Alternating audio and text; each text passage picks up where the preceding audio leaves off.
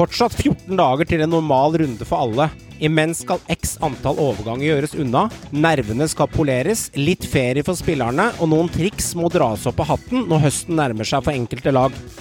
Hengekampene gjøres unna i disse dager, samt at vi er vitne til noen cupbomber. Velkommen til en ny episode av Synseligaen.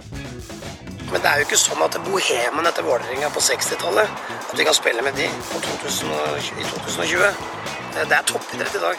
Fucking joke, de der jævla måla vi slipper inn. Det er, det er piss. Vi har vært bunnsolide i, i hele oppkjøringa. Nå har vi sluppet inn ja, fire-fem pissemål. Det er jævla kjedelig å trene, så det er mye bedre å bare ligge og sole seg og så spille kamper. Så det her er perfekt. I wanted to wish you happy birthday, but it was already going go away.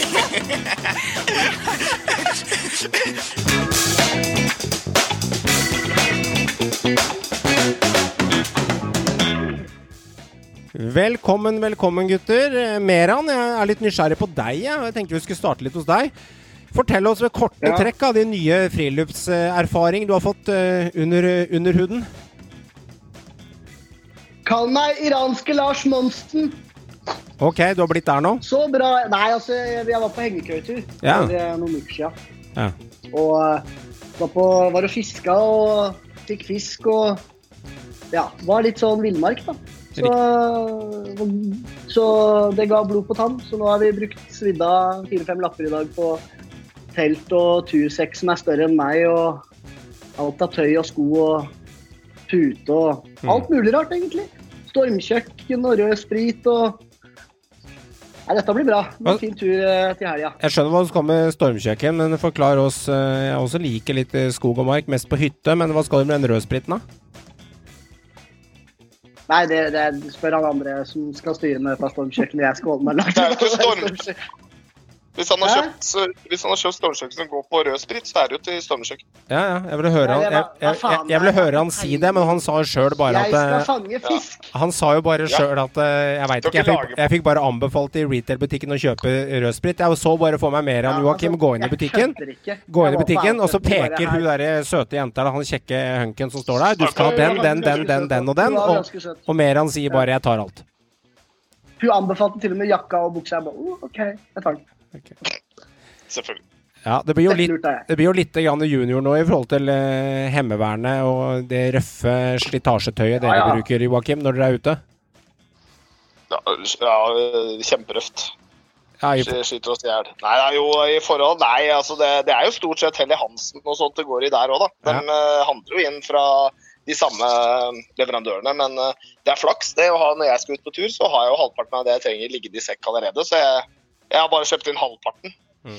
og du, har jeg hatt fra herlig. Og du, Håvard, du er jo vant til dette her, for du driver med dette her i jobben din til vanlig, med stort sett friluftsliv og sende alt fra snille til pøblete ungdom ut på tur eh, med en voksen i hver hånd for å sørge for at det blir en ordentlig tur av dette her. Dette er jobben din til ellers, er det ikke det? Jeg uh, har med sånne uh, ungdommer, jeg, uh, sånne som Meran, på tur. Ja. Og å gjøre, få til å bli som folk. Nei da, jeg bare tuller. Jeg har med alle mulige eh, ungdom og barn på, på tur, og litt med friluftsliv. Men jeg er virkelig ikke noe Lars Monsen, jeg heller. Altså, jeg, men jeg har lært meg å like friluftsliv, og det må vi slå et slag for. Friluftsliv, kom dere ut i naturen, folkens. Ikke bare sitt foran skjermen.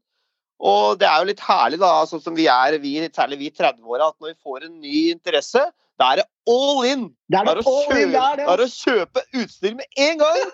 Samme om det har vært på én tur. Det er bare å tømme kortet, for nytt utstyr, begynner å uh, gå på Birken eller begynner å gå på ski. Da er det, det sviks fra topp til tå, selv om du knapt klarer å stå på ski.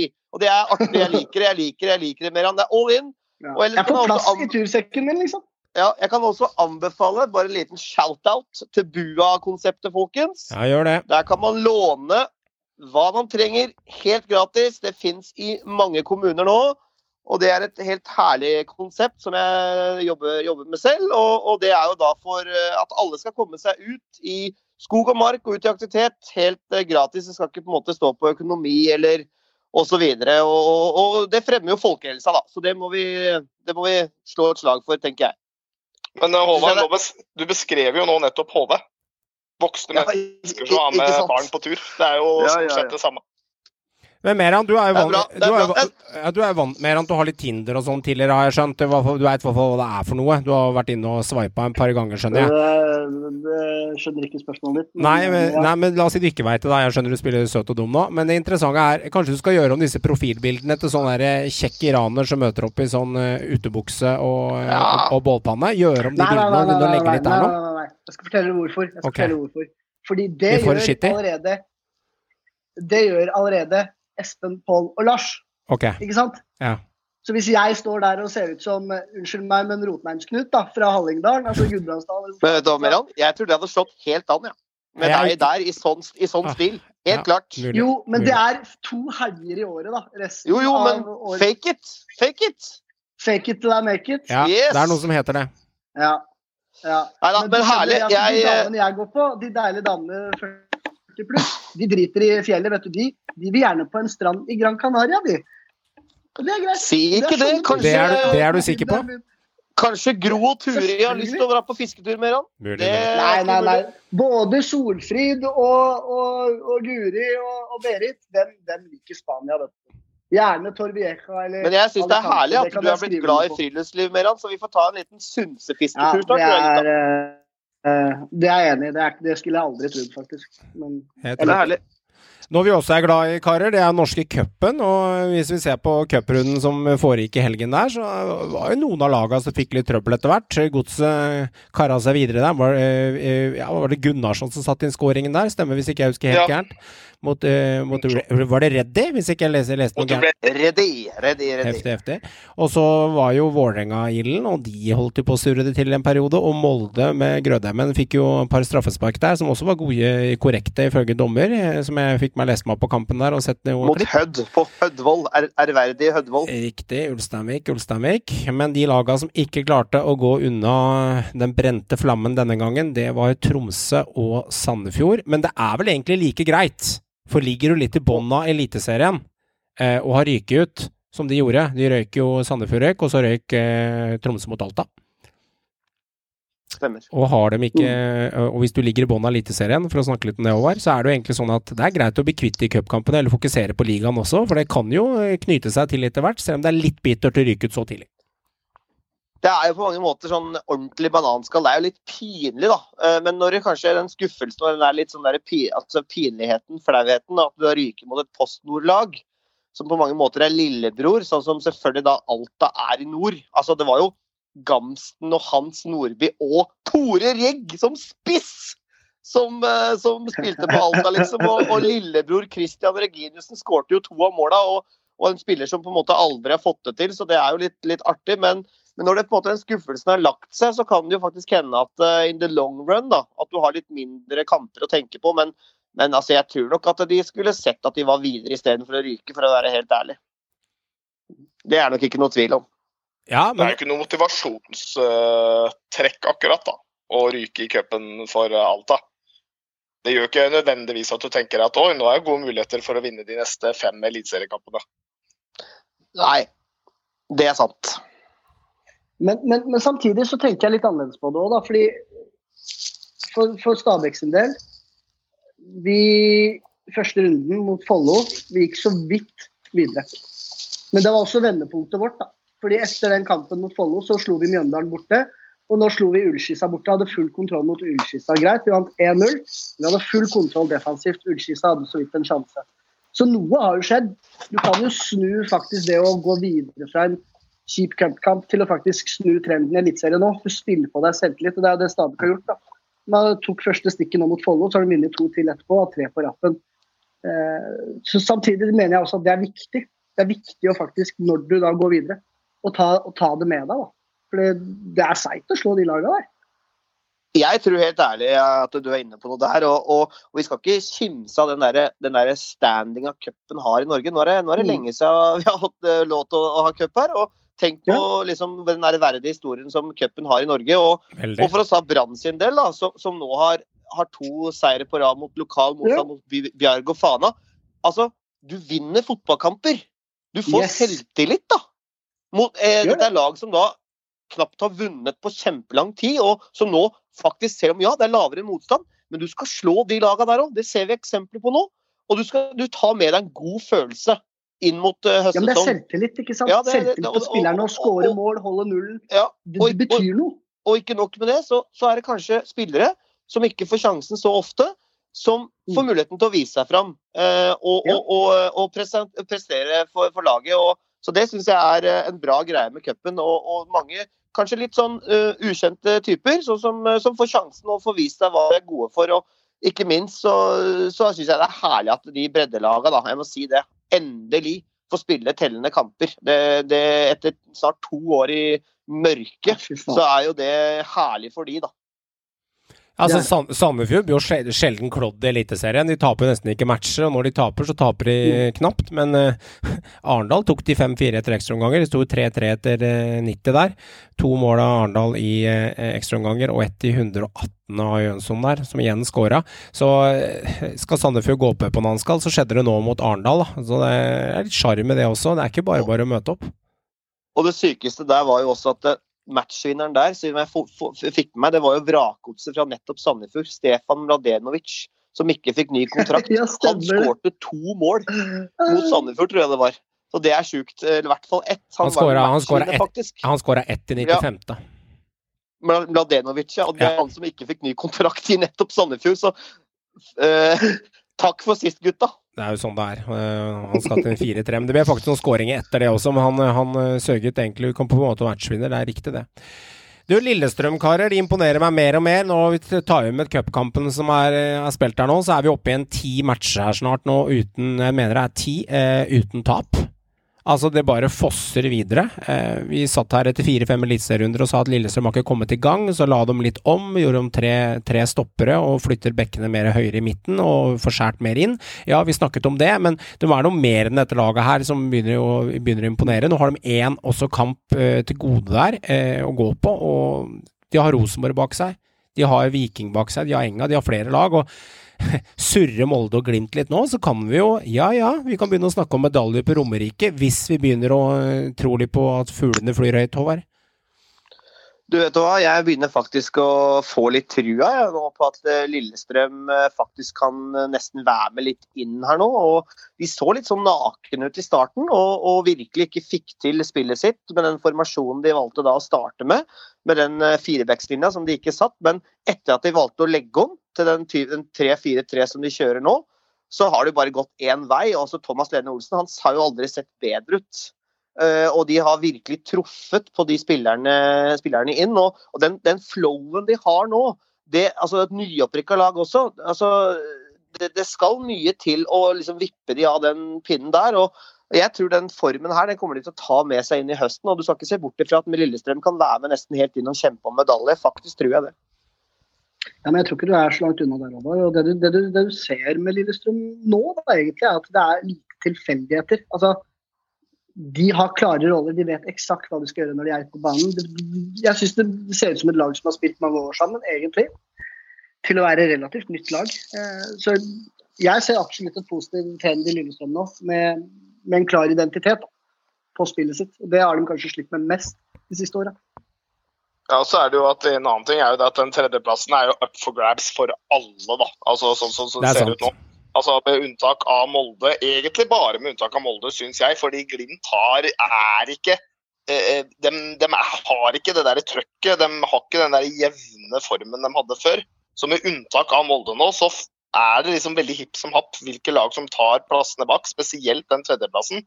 Og det er Ja, selvfølgelig. Det er et av de beste lagene i Eliteserien akkurat nå, Lillestrøm. Så det, hvis de fortsetter å holde flyten, så er det ingen grunn for at de ikke skal kunne knipe den der bronsen på slutten. Hvis de holder en, si, holder en fem-seks runder til og fortsetter å ta mye poeng. Så er det litt som hvis du ser de siste ti kampene, han har spilt 13-14 kamper i ligaen, men tar du de siste ti kampene øh, og ser på de, så står Lillestrøm med seks seire av ti oppgjør. Molde står med seks seire av øh, ti oppgjør. Og tar du da Bodø-Glimt og Rosenborg, da, som du er inne på, Joakim, spesielt Bodø-Glimt, så har ikke Bodø-Glimt mer enn fire seire på de siste ti. Og Rosenborg har heller ikke mer enn fire seire på ti. Så med en gang du tar noen par trepoengere på rappen i toppen, som Lillestrøm har gjort nå, så rykker du ganske kraftig ifra, altså. For det er ikke noe automatikk for både Rosenborg og Bodø-Glimt å vinne fotballkamper på en lav fjøl lenger. Det er ikke det. Og Lillestrøm står med en bra rekke nå. Ja, de gjør absolutt det. Og, og, nå mens vi er inne på LSK, så har jo de uh, henta en uh, ny stopper. Det, det, har jo vært uh, litt sånn, kanskje litt prekært. Hvis de hadde fått noen skader, så er det syltynt. Nå har de jo henta en ny svenske med, med, lang erfaring fra svensk fotball, med særlig da Østersund og jeg tror han har vært innom uh, Hammarby, uh, hvis ikke tar feil. Tom Petterson, uh, 31 år, kommer fra MLS. Gikk ikke sånn kjempe der, men, men, en spiller som sagt har vært god i svensk fotball lenge. 31 år. stopper. Så han er jo klar nå fra LSK. Det er jo nettopp den plassen som på en måte har vært veldig tynn. da for, særlig for Fugla der. Så er spennende hva han eventuelt Om dette her er en, en squad player, om dette er en spiller som skal rett inn. Så han har jo i hvert fall en OK karriere å se tilbake på. Uten tvil. Uten tvil. Et sirkus uten like, det er jo, Håvard, i eh, Bergen, i din klubb. Der foregår det.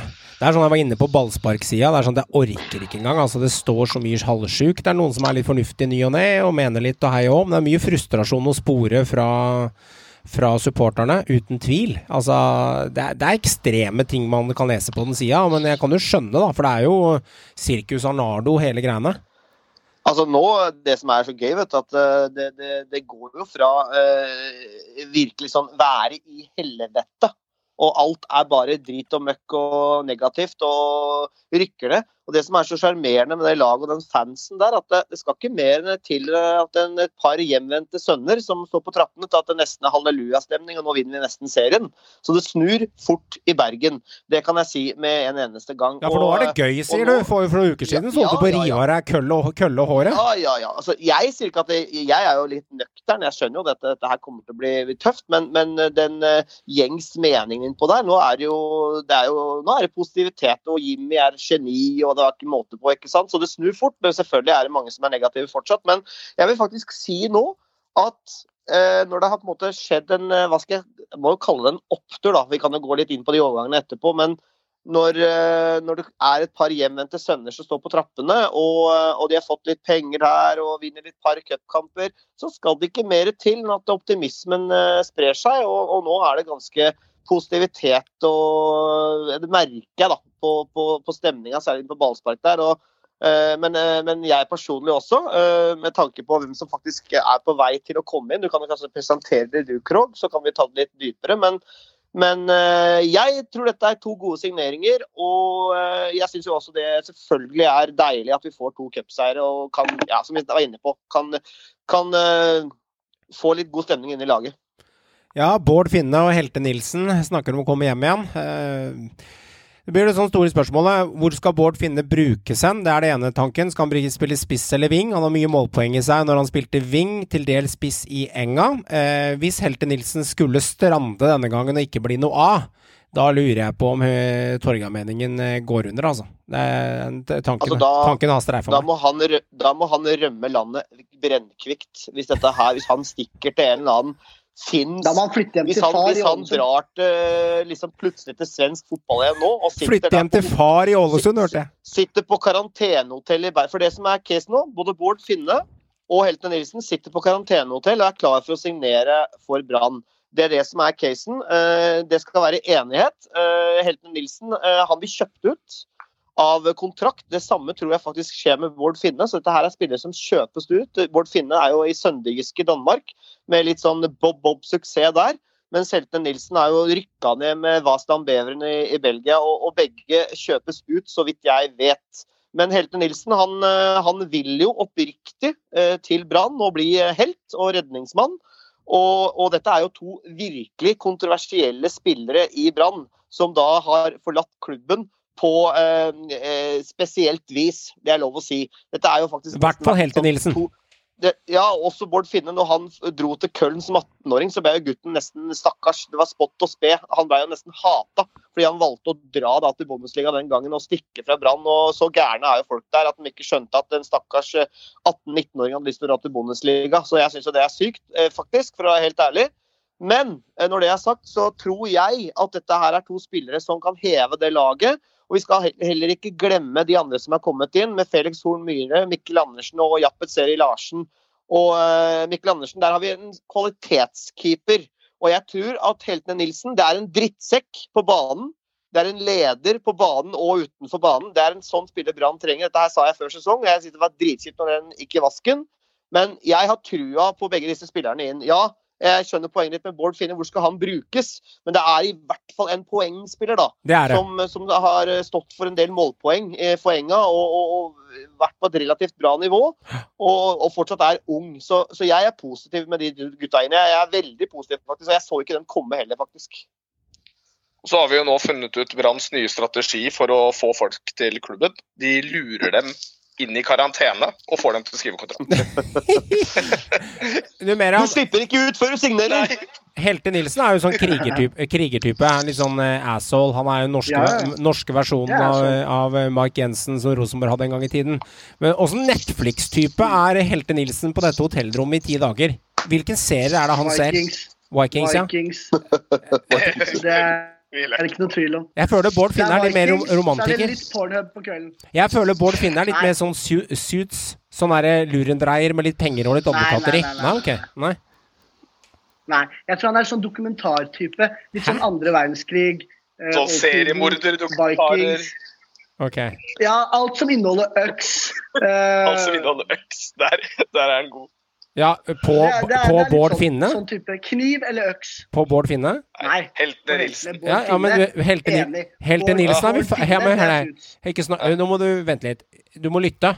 Helte Nilsen har vi kartlagt. Du svarte med en gang. Spot on videre. God jul. Send nissen av gårde. Okay. Så spurte jeg hva er Bård Finne. Er det litt suits og litt sånn lure penger og advokater og litt sleiperier og litt penger Nei, jeg tror han ser på I og med at han Jeg tror han, jeg tror han er veldig glad i tvillingbroren sin, med Ja. Colin Culkin, så jeg tror han sitter bare og ser på Alene hjemme-film. Kalle Kalken. Bare- Jeg tror han sitter jeg, Han ligner jo på fyren fra Alene hjemme! Ja, litt. Han gjør det. Gjør det. Gjør det. Nei, men herlig. fra spøk til alvor så tror jeg at dette her Om det, om det, om det holder eh, på en måte til å holde plassen, det er jo en annen sak. Men jeg tror at dette er to spillere, i hvert fall. og- Men hvor mye bedre spillere kan de få tak i? Det er jo store spørsmål. Nei. Og det er poenget. Og jeg mener at Jimmy, han er jo eh, blitt eh, latterliggjort i hele Media-Norge. Og det var jo ikke måte på hvor håpløs den ansettelsen er. Ja, vi slakta han ikke så sånn. mye, vi. Nei. Og Ikke han har eh, faktisk klart å hente eh, eh, Ikke Felix Horn Myhre, for han var allerede klar, men han har henta ny, fire nye spillere inn. Ja. Og han har solgt Bamba for tre millioner. Ja, du kan eh, Ja. le av den summen, men gutten hadde fem-seks måneder igjen av kontrakten. Skulle likt å se Vibeke gjøre det.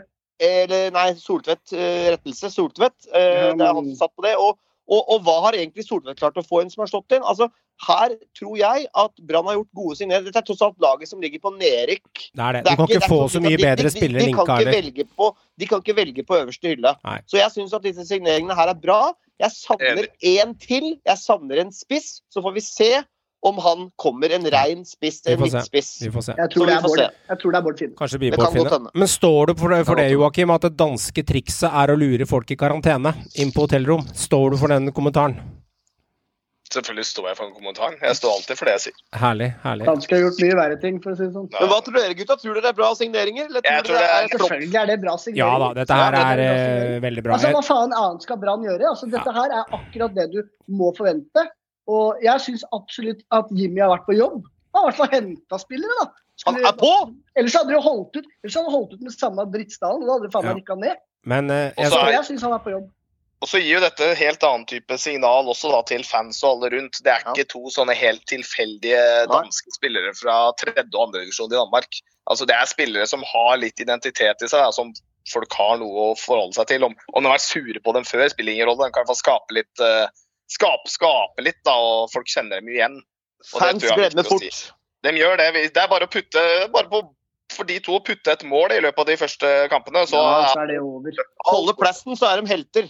ja, ja, ja. For Sivert så holder det bare å kleppe ned noen, så skal jeg love deg det blir full jubel på stadion. Det jeg tenker med Helte Nilsen, altså, hvis han har liksom 80% av det han hadde i seg eh, Nå har det gått noen år, men la oss si han har, har det, da. Så tenker jeg at han kommer til å gjøre de andre rundt seg bedre. Eh, de andre rundt seg kommer til å bli bedre fotballspillere, fordi han er så trygg i den der defensive rollen. Veldig sånn basespiller, som jeg vil kalle det, som bare sitter og sjonglerer. Litt sånn Annan i Rosenborg, selv om han er en litt annen type Ja. spiller. Men han, det, han skal ikke rullere sånn som Barmen eller Pedersen, litt opp og litt ned, eller hva, hva folk Brann har valgt å gjøre her. Og, altså, lenge han ikke får noen skader, så kommer han til å få de andre til å bli veldig mye bedre. Og det, han, det, er bra. Bård Finne, derimot. Er litt i tvil om eh, de skal bruke som ving. Gjør de det, så får de en ganske god vingspiller som har mye målpoeng i seg. Eh, og så er jeg litt i tvil om Bård Finne på én ting, og det har jeg faktisk ikke eh, tenkt litt på. Er han en spiller som kan dra noe opp av kaninhatten aleine, eller er han egentlig best når uh, han spiller på et lag som er bedre, sånn som Vålerenga var når han spilte under de, slik at han han er bedre i et samspill i et lag, men han drukner litt når han skal gjøre ting alene? Det er jeg litt i tvil om, faktisk. For han, når han, han spilte i Enga, så var Enga sånn midt på tabellen-lag. Nå er tross alt Brann et båndlag. Der har jeg et lite Jeg- spørsmålstegn. Hvis jeg får fullføre, takk. Det hadde vært fint. Så har jeg et lite spørsmålstegn rundt det, og, som jeg er litt usikker på. Ellers så, så jeg føler jeg at det der er knallsigneringer hvis han får det, får det med land. Jeg følte han ofte Ja, Enga var da midt på tabellen-lag, men jeg følte at han var ofte den som faktisk dro noe opp ut av hatten da, når Enga trengte det som mest, og sikra en 1-1 eller 2-2. eller Okay. Han gjorde ofte ting på egen hånd da han var fox in the box. da, og Det tenker jeg kanskje det er akkurat det han trenger akkurat nå, for nå trenger de en fox in the box. Det man, det man ikke skal glemme med Bård, det er at han er en ekstremt god avslutter. Er han. Han er ikke en, en mann som uh, drar av tre-fire mann, liksom. Men han er, han, er, han er en jævlig god fot. Dere husker kanskje også frisparket hans. Og, Ja, og han er også og, Ja, ja. god, god pasningsfot Ja, ja. og, og, og en meget god avslutter. Eh, og, og Så er han vi litt uforutsigbar. Litt uforutsigbar. han, han er det. Han er det. Og, og jeg, han er en Han er, en, Han er ikke han veldig uforutsigbar, men han er litt mer, han, han. han, er, han er en god eliteseriespiller, det er lov å si. Eh, og, og, og han er ikke blitt veldig mye dårligere, selv om han har ikke har storspilt i Danmark. Det, det tror jeg også. Han er, han er, han er matchfit og kommer rett, eh, rett inn, liksom. Mm. Og samme med, med Sivert. Han har spilt nå fast i Belgia, var kaptein i Elfsborg og gjorde det helt OK i Danmark. Så i Elfsborg så dro de jo til sølv. Han var jo veldig veldig viktig for Elfsborg, som Ja. fikk sølv i fjor. Ja. Det skal vi ikke glemme. Ja. Eh, Så han er en leder, og det trenger dette her skakkjørte Brannlaget. Og så er jeg veldig spent på unge Felix Horn Myhre. Det er en eh, Han har jo er snakka med månen nå, så jeg er jævlig spent, jeg nå. Ja, jeg- ja, han har jo vært der i et par måneder uten å få spilt, eh, naturlig nok. Han var jo klar tidlig. Så det blir, det blir veldig spennende hva, hva disse, hvordan inn, innpakning disse gutta her kan ha, ha på Brann. da. Så det, det Jeg er jo Nå er jeg forsiktig optimist, i hvert fall. Ja, Så vi må så måte, spørs vi må på en måte være det. Så spørs det om det holder. om det holder. Fordi at Vi får se, vi får se.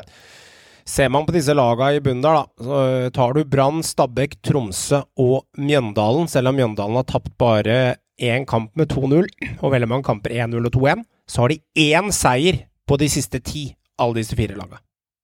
Det vil si at disse laga her har spilt 40 kamper med enn, og samlet har de dratt i land fire seire. Og når du hø hører det tallet, da, da lukter det nedrykk. Så um, Gjør det. skal ikke forundre meg at Mjøndalen, Tromsø, Stabæk og Brann skal gjøre opp om de to uh, ja, no, uh, noen par sikre plasser der, og resten må faktisk kjempe med nebb og klør. Noen bergensere kommer inn, andre glipper. Det er jo en ny bergenser som har uh, sluppet der, og uh, han ser jo spennende ut. Og Bodø-Glimt har, uh, ja, de har kasta noen snusbokser i bordet, Håvard, for å hente han opp til nord. Ja, dette her er jo en hva skal jeg si, en, litt sånn typisk Kjetil Knutsen og, og han andre assistent. De bruker nettverket sitt i Bergen. Og dette her er Joel Mvuka, som, som er et kjempetalent. 18 år. De blar opp en eh, 3-4 millioner. Det ryktes også at det var mye nederlandske klubber og sånne ting som var, var på der, men, men han ville opp til Bodø for å utvikle seg mer. og dette her er jo en, en spiller som har mye X-faktor og, og mye ferdigheter, da. Men som selvfølgelig er uferdig. Men det er jo sikkert en, jeg føler det er en sånn typisk Glimt-signering. De henter en spennende unggutt som de skal utvikle til en toppspiller. Så dette her tror jeg er en god signering av, av, Bodø-Glimt. Og, og han, han er jo da en, en kantspiller som, eh, som har mye litt sånn Jens Petter Hauge-ferdigheter, kan du si. Altså eh, rett på gode, god én mot én og, og, den biten der. Så, så, får vi se hvordan sluttproduktet er, da. Men han er jo ung, ikke sant. Han er 18 år, så kan kanskje ikke forvente så mye av han i år. Men på sikt så tror jeg Glimt har fått seg en meget god spiller her. Ja, det er jo enkelte spillere som har vært den alderen tidligere, som uh, også forventa en god del av, sånn som Seide Rosenborg bl.a. når han kom inn. Vi forventer jo resultatet fra dag én der. Så burde vi egentlig Joakim forvente mer, eller skal han få et år eller to på seg? Nei, jeg tror ikke, Nå skal han jo dra han jo til Bodø-Glimt, og jeg tror han drar til Bodø-Glimt fordi de har jo et sånn litt rykte på seg nå, og for det første at du får sjansen. Ja. Men det er ikke sånn som det er i RBK, at uh, du blir kasta til ulvene etter to kamper, og så hvis du ikke leverer da, så sitter du på benken i seks måneder. Ja. Det er ikke sånn det funker. ikke sant? Uh, så jeg tror at det var en, altså jeg tror årsaken til at han valgte Bodø-Glimt, er rett og slett det at jeg tror det er der han ser størst potensial for å få lov til å utvikle seg over tid. Så jeg tror ikke vi forventer at denne spilleren her skal gå rett inn på laget og begynne å avgjøre kamper og være matchavgjørende de første kampene. Det er ikke det som er poenget. Han skal få tida han trenger, og det tror jeg han får der oppe. Uh, de sitter helt greit i det. Nei, De har ikke hatt sesongen som i fjor, men ingen forventa det, og de forventa det ikke. Og de sitter helt greit i det. De ligger høyt på tabellen. De kan ta seg tid, de kan ta seg ro. De har penger. Økonomien er god. Mm. Så jeg tror de er opptatt av spillerutvikling, uh, og det er derfor han har dratt dit istedenfor en annen klubb. Én spiller i starten av karrieren, og så er det én spiller som eh, Ja, han eh, er ikke i starten av karrieren. Alexander Søderlund Meran, mer han, som velger Haugesund til slutt, etter at det har vært litt fram og tilbake med Brann der. Men han går til på en Jeg mener til slutt at det endte med en fireårskontrakt der, med to år i starten og to år i akademiet etterpå. En eller annen hva skal jeg si, kontortrener, en eller annen innafor jobben, ja. innafor klubben, da. Men han har to år først som spiller ja. der. Han avslutter der i Norge, og eh, sånn blir det med Alex. Jo, men det er, det er en veldig fin deal. Det, hvis vi går litt tilbake i tid, så fikk Vadil Demidov samme kontrakten i, i Stabæk, men han endte opp med å bli agent istedenfor å jobbe i akademiet. Men, ja. Eh, men jeg syns personlig det er en fin avtale på Søderlund. Det er fint å komme hjem òg når ting ikke fungerte som de gjorde i, i Bergen og Brann. Så er det nok eh, greit for, eh, for Søder å slå seg til ro i Haugesund. Det er jo hjemstedet hans, så det er jo greit å avslutte der uansett det er jo mer trygghet da, å komme, komme, når du først skal hjem, enn å, enn å, på en måte dra til Bergen og Brann og, og, og, kjempe i bunnen på kanskje altså Han var forespeila ett og et halvt år som, som, spiller. Altså I Haugesund eh, Jeg tipper han får litt mindre i grunnlønn, men, men som du sier, Johan, han får muligheten til å jobbe i klubben etter karrieren. og, Betydelig, og det er jo her det er jo her han eh, hadde lyst til å gå, uh, ja. først og fremst, tror jeg. Og, og, da sier han sikkert fra seg litt, uh, litt penger, for jeg tror at den lønna Brann tilbød, den var god. Men helhetsbakka i, i, Haugesund var mye bedre og riktigere for, for Alex og som familiefar ja. osv. Og, og, og, det tror jeg nok veide tyngst eh, når de ikke ble enige med han i, i Bergen. og Jeg tror han skulle ha ganske mye spenn for å, for å, for å signere for Brann. Og, og, jeg som Brann-fan tror på mange måter også at det, kanskje det var greit. At du ikke spenner alle penga du har på en snart 34 år gammel spiss, som med all respekt, du vet ikke hvor mye han vil levere heller. Og, og, og, når han kommer hjem til Haugesund, så tror jeg det på mange måter er, er bra for alle parter. Selv om på mange måter sånn kortsiktig så tror jeg at han har vært en god spiss for Brann, kanskje. Men, men, eh, ja, jeg er litt sånn ambivalent på om det var eh, kjipt at han eh, dro til Haugesund eller ikke. Men, men, for hans del så tror jeg det var et fint valg. Og, og kanskje han også tar et tredje år. Jeg tror det er opsjon på tredje år som spiller også, hvis, det, hvis alle parter er der.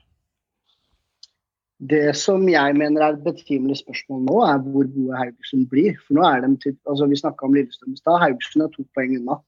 Eh, Haugesund har, ikke, har, virkelig vært gode for tiden, og nå får de inn Søderlund nå. og Samuelsen, vi skal ikke glemme han. Og Samuelsen, så har, de har flere kort å spille på enn bare Waji, Kalde og, og Sondre Liseth der. Så altså, jeg personlig tror Liseth er jo ikke med regnestykket på spennende spillere på lista med engang, i mitt hode, altså. Jeg, nei, nei, nei, men altså, Vi kan krangle litt. Er Sandbar, det er veldig, det er flere. Vi kan, vi kan krangle, hva du mener. Men hvis du tenker i sentrallinja, så, ja. så har de flere strenger å spille på. Det er sterkt lag Haugesund har nå. Jeg prøvde bare å by opp til litt krangling om, om Liseth. Jeg prøvde bare å by, da på Ja, med litt bøs. eh, krangling, for Bøs, som de sier i, i, i Telemark, i Oddland. Bøs. Bøs, ja. Men du har Wadji. Jeg er enig med deg, Merian. Jeg syns det ser spennende ut, Haugesund også nå, altså. De gjør det. Altså, Eh, Wadji- som skjer med Wadji, da. Ja, men du har Wadji Søder. De kan selge Wadji, eh, bruke Søder en periode, eventuelt bruke Samuelsen. Og så har de Velde, salgsobjekt, Sandberg, salgsobjekt. Og så har de en normal, solid forsvarsrekke, som er favorittforsvarsrekka til Joakim i Eliteserien, eh, hvis jeg ikke husker helt gærent. I hvert fall det, Det er bare bekkene. Bare det er bekkene. bekkene. Er borte, da. så midtstopperne. Men de har, et, de har en veldig, veldig godt lag sånn samlet. Og det er, Ja. det er litt sånn eh, snikende tiger over dette Haugesund-laget. Og som jeg har sagt før, et helvete å komme på bortebane i Haugesund og ta poeng. Det er et mareritt uten like. Det er som å våkne opp eh, etter tredagersfylla, altså hvor mora di på besøk klokka åtte om morgenen. Det er kaos, liksom. Det er, du- det er nesten umulig å ta poeng bort til Haugesund. Jeg hater å spille der som Rosenborg-supporter òg. Det er min mening. Jeg vet ikke dere, åssen dere ser på det. Jeg er enig. Jeg er enig. Vi Det er var heldige og fikk et poeng. Det er veldig tung bortebane å være på. Det, jeg tror vel ikke Godset har tatt Jeg tror jeg kan telle på én hånd hvor mange poeng Godset har tatt der de siste sikkert åtte sesongene, tror jeg. Sist seier vi hadde der, var i 2011, faktisk. Med Stabæk. Jeg hørte på Spillerrådet-podden nå, så ble det faktisk snakka om verste bortebane å komme til. Og det var nettopp Haugesund Mm. stadion eh, de nevnte, med, med fansen der og sidelengs, sidelengs regn og Kråkehelvete og masse styr. Oh. Ja, ja, ja. Så, så det er en tøff borte, bortebane. Og, men altså, Haugesund, det, det er også et lag med flyt og, og alt det der. Kan melde seg på der oppe som en svær Altså som røkla er der oppe. For det er jo så tett og jevnt der nå. Med så mange lag som har meldt seg på. Viking, KBK Ja, ja. ikke minst. ikke sant? Vi har jo snakka om det før, Håvard, også. og Viking og Haugesund. Viking og Haugesund er de to mest ustabile lagene i ligaen å spå. du, du, du veit aldri hva du får, og, og, men det som er helt sikkert, er at de kommer til å vinne en del kamper. Ja, ja. Eh, Det, det føler jeg meg sikker på. Og nå har de virkelig krydra den stallen med, med kvalitet. da. Med lokale gutter som vender hjem. Og så har du softisgutten. Så har du ikke glemme softisgutten Krygård. Ja, da, han er med, han òg. Visste du det, Meran? En litt sånn artig ting. Jeg har snakka om det før, men øh, for en øh, mener det er rundt 15 år tilbake. Så du kan jo bestille alt mulig rart, ikke sant. Alt fra folk som flyr over stadion til ballonger alt mulig rart for å lage sånn hjemmeshow på stadionet. Lillestrøm gjør ofte det. De bestiller sånn for folk som hopper i paragliding og lander på Åråsen i pausen og sånn. Og noen bestiller sånn skilededamer Ja, og sånn. Dette veit jo alle. Du kan gjøre masse sånn pauseshow. Det var mer av det før, da. Ja. Men i Haugesund Ja. er det e Det var når Asbjørn Helgeland som spilte for mange, mange år siden. OA Helgeland! Se OA Helgeland! Helt riktig. Og da, det, det er det eneste stedet i Norge du kunne bestille 100 kråker som ble sluppet på stadion, og så midt på banen i pausen, og så fløy de fra hverandre ut, alle kråkene i en sånn svær sirkel. Det Og så bare er Det var fløy de ikke kråker, ut. det var måker? Var det Ja, måker, ja! Måker. Ja, beklager. var, jeg mener ikke kråker. Jeg mener måker. Jeg, jeg blander. de er, Jeg, de er jo hinsides. Hva faen har de så lite å gjøre der? nei, det kunne, du kunne bestille 100. Dette var fra en lokal bonde. Så kunne du få 100 måker, for det er jo måkeberget. Hvem er det som er måkebonde? Ja, jeg, Det var en bonde som hadde måker! Måkebonde? Du, hø du hører jo ikke etter. Det er Lytteproblem er vanskelig her. Jeg har ord ordfeilproblem med kråker og måker. Jeg arresterer meg selv og sier det er måker. Håvard har rett. Men du kunne bestille av en lokal Ja. bonde. Han er Ja. ikke en måkebonde av den grunn. Går Men- du og fanger dem først, da? Nei, men husk på en ting. Folk på bygda, folk som er på bygda og litt eh, griserengte strøk til, de har mye kontakter og veit om mye ting, og han hadde kontroll på 100 sånne. Så Ja, kunne slippe- fyr som har 100 han kunne slippes på midtbanen i pausen. Så kunne de flys ut fra alle kantene, så kom det sånn ring, og så kom spillerne på banen til andre omgang. Men, uh, Johan, men da skjønner jeg ikke Men da skjønner jeg ikke hva du klager på, fordi fremdeles, da Jepp. Han kontakten til han fyren, Ja. da er jo han måkebonde, da! Det er ikke sikkert han er det bonde. er jo en måkebonde, det! Kanskje han er måkefikser. Vet du hva, Jeg må innrømme at dette her husker jeg ikke noe av, for å være helt ærlig. Det høres sjukt ut. Det er sånn, Ja, det er- jeg har en fyr, jeg har en fyr, han selger 100 måker. Bare si fra, jeg fikser deg. Prøv å, si Bro, jeg fikser, jeg fikser måker, bro. Ok. prøv å si det på Oslo øst. Det beste, beste er nå at jeg eh, Meran, historien er eh, fleip eller fakta. Det er en eh, Faffa betaler-historie. Eh, men det in Ja. interessante er at jeg håper Håvard holdt kjeft, for du hadde gått på den her nå. Ja, ja, det, altså, Håvard klarte ikke å dy seg. Han sa det er bare tull. Og? Det var selvfølgelig bare spøk. Det var er jo lov å bruke sunn fornuft, er det ikke. Ja, Men for guds skyld og gøy det har vært å la han ligge, og så kunne vi kjørt den her etterpå. Og da hadde kanskje mer han lurt. Folk Mitt navn er. Fredrik Pallesen Knutsen, og jeg spiller for FK Haugesund. Dette er Synseligaen. Podkasten av fans, for fans. Yes, da. Et lag som ikke hadde problem i cupen mer enn fra litt uh, humor om uh, måker, det var Rosenborg. Det var i 11 i sekken. Det er 11 igjen, hvis ikke jeg så helt kaldt her. Men uh, Skarsømmen er i gang. Noah Holm fikk seg faktisk målgivende noen minutter. Saeed netta tre, og Dino Han satte inn en tre-fire skåringer, han òg. Nå er Dino oppe i sju kamper på rad, hvis vi tar med Cup Europa, og han har netta Det var forventet, spør du meg. Elleve skåringer. Har han skåra nå. Ja. På de siste er forventet. 10,5. 8-9. 10,5 i Joakims hode. På grunn av den første gjaldt ikke der med den eh, kjipe nikken. Men nå har han jo skåra i sju kamper rad, oppe i en 10-11 mål. Kan, han, kan det løsne utover høsten, eller er dette her bare ja, hva skal jeg si for noe, blaff i vinden? Helt forventet. Det var akkurat som skjedde i fjor òg. Han, er en- han er en litt sånn slow starter. Tar tid før han kommer i gang. Noe Eh, jæklig òg, da. jeg, ikke, jeg hadde ikke vært Ja, men jeg hadde ikke vært bekymra for det. hadde vært Rosenborg-supporter. Det, det jeg derimot ville vært glad for Ikke er- bekymra, vi er ikke medaljeplass engang. Jeg er bekymra som fy, jeg. Nei, samme, nei, men det kommer seg. Men det jeg ville vært veldig glad for, er at Seid endelig er i gang. For han har mangla sluttprodukt i flere år nå. Nå virker det som at det endelig begynner å sitte for han. Da. Det er veldig hyggelig. Og så tror jeg faktisk Det er litt det vi var inne på tidligere i dag òg, det med når du spiller cupkamper. Altså, det gjør faktisk noe med deg, uansett om du møter et tredjedivisjonslag eller andredivisjonslag i cupen. Eh, spesielt når det er overkjøring, da, og du, du altså Mm. 11-1, var det ikke det det ble? Ja? 11-1? Ja, altså, ikke sant? Altså, det gjør jo noe med deg, da. Altså, det, da er du i gang. Og så er det viktig, altså, som du sier, Dino får noen skåringer. Altså, folk kommer i gang, da får de godfølelse. Så jeg tror dette er veldig bra for Rosenborg. Eh, og det lover godt for det laget eh, når det serien kommer i gang, når de kommer i gang igjen med serien. Tror det var viktig også Nå, som, nå er jo Stefano Vecchia, han har vi ikke sett mye til. Han ble jo skada tidlig, slitt med ryggen lenge. Han er jo tilbake igjen. Henta inn nevnte Skarsheim, som er en, er en god ballspiller. Ikke noe sånn top notch uh, eliteserieklasse, men uh, absolutt god og anvendelig.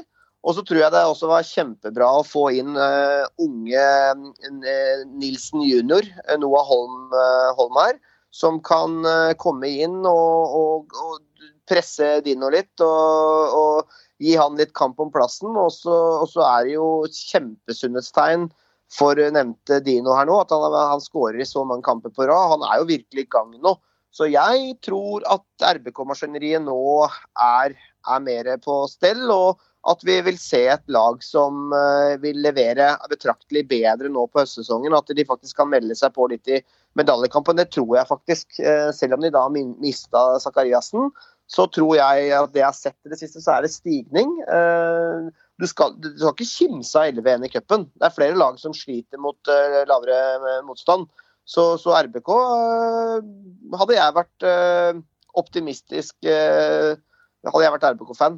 for de syns jeg ser, begynner å se bra ut.